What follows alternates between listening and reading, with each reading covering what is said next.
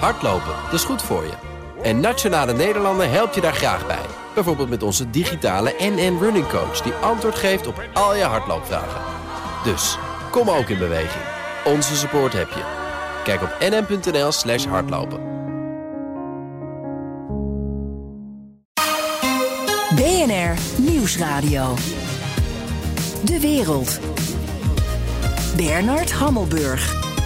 Dit is BNR De Wereld. Mijn gast is kolonel Han Bouwmeester, universitair hoofddocent militaire strategie aan de Nederlandse Defensieacademie. En ook inmiddels, ik zei het al, is aangeschoven Geert-Jan Haal, onze Europa-verslaggever. Geert-Jan, uh, eerste verkiezingen van het jaar in Europa staan voor de deur. Daarvoor gaan we naar Praag. En de oorlog is een heel heet hangijzer. Nogal ja, met een uh, verwachte opkomst van 84 procent. En dan denk je, wat voor dat is, dat is ongelooflijk... Noord-Korea. Bijna wel. Ja. Uh, dan denk je inderdaad, wat voor, wat, wat voor ongelooflijk spannende parlementsverkiezingen zijn dat. Nee, het gaat om presidentsverkiezingen, terwijl de president in Tsjechië vrij ceremonieel is. Dus er is wel wat aan de hand als je zoveel mensen naar de stembus weet te bewegen.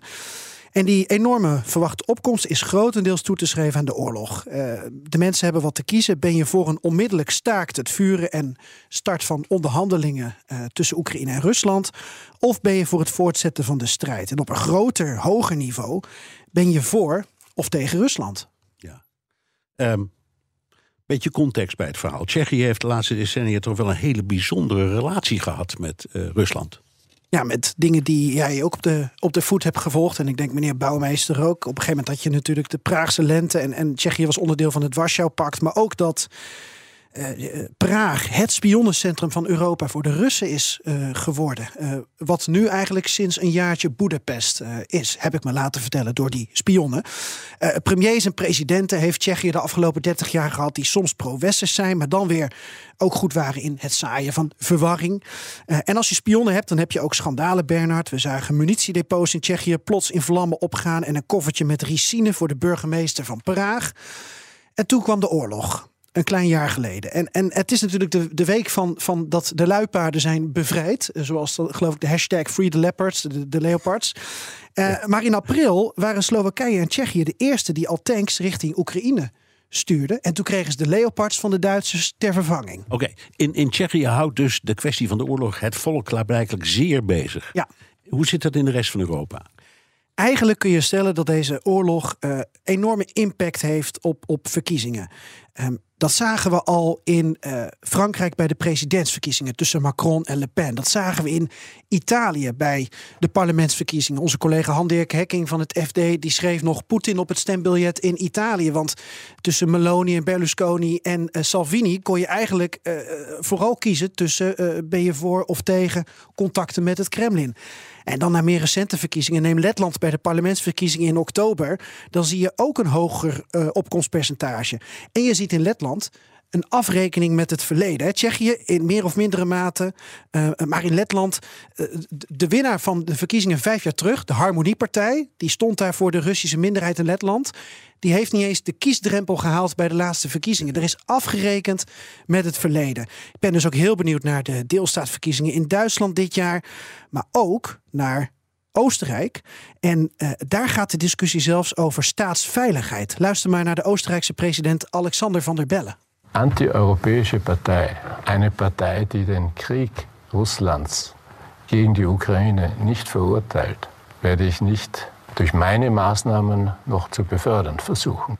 Ja, dus als de FPE, want daar heeft Van der Bellen het over, de extreemrechtse partij in Oostenrijk, zoals nu in de peilingen ook staat, de verkiezingen zou winnen, dan heb je het over parlementsverkiezingen, en Van der Bellen is nog president, dan zou hij op dit moment niet um, de FPE de kans geven om te gaan formeren.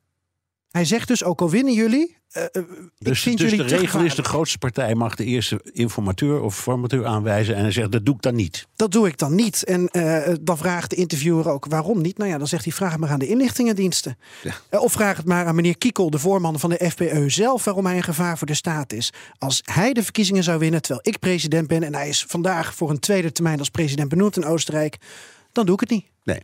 En dat op het moment dat Mark Rutte een bezoek brengt aan Wenen. Ja, met nu nog uh, EVP-bondskanselier Karel Nehammer. Die trouwens een land leidt dat sowieso nauwelijks wapens naar Oekraïne stuurt. Want uh, Oostenrijk doet het minimale om de Europese eenheid te bewaren. Maar goed, ze zitten als kikker nog in de kruiwagen. Maar die kikkers die mogen niet schieten. Die mogen alleen helmen en generatoren aan Oekraïne geven. En dat is dan de steun. Eén kort dingetje nog over die verkiezingen in Tsjechië. Want uh, zoals het er nu voor staat, uh, wordt de nieuwe president Petr Pavel. Dat is een oud generaal. Dat is een soort kruising, als je naar zijn gezicht kijkt, tussen George Clooney en Peter Weininga. Ja. Met dat witte getrimde baardje en dat wat bruine gezicht. op wie je meer vindt lijken, dan moet je zelf maar even de foto opzoeken. maar Petr Pavel, dat was dus voorheen de Rob Bauer van de NAVO. Dit was de voorzitter van het NAVO Militair Comité. En hij heeft ook een paar jaar in Brunsum gezeten. Eh, bij het NAVO-hoofdkwartier. Dus als deze man uh, Tsjechië gaat leiden, dan, uh, dan weet hij in ieder geval alles van de, van de even, even terug naar Han Bouwmeester. hoe kijkt u hiernaar? Kent u die man? Nee, ik ken, ik ken hem niet. Nee, nee.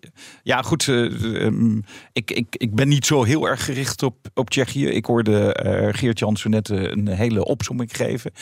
Um, Tsjechië was ook een van de drie eerste voormalige Warschau-landen die toetraden tot de, tot de NAVO. Hè. Zij staken in, in 97 de vinger al op en in 99 zijn zij uiteindelijk toegetreden. Maar ik wist niet dat er steeds zo'n wisselende stemming in dat land was. En uh, ja, je wilt toch een beetje een stabiele koers gaan varen, uh, wat dat dan gaat. Ja. Oké, okay, dankjewel Geert-Jan. Wil je meer horen over die fascinerende verkiezingen in Tsjechië? Luister dan naar de laatste Perestrooikast. Hardlopen, dat is goed voor je. En Nationale Nederlanden helpt je daar graag bij. Bijvoorbeeld met onze digitale NN Running Coach... die antwoord geeft op al je hardloopvragen. Dus, kom ook in beweging. Onze support heb je. Kijk op nn.nl slash hardlopen.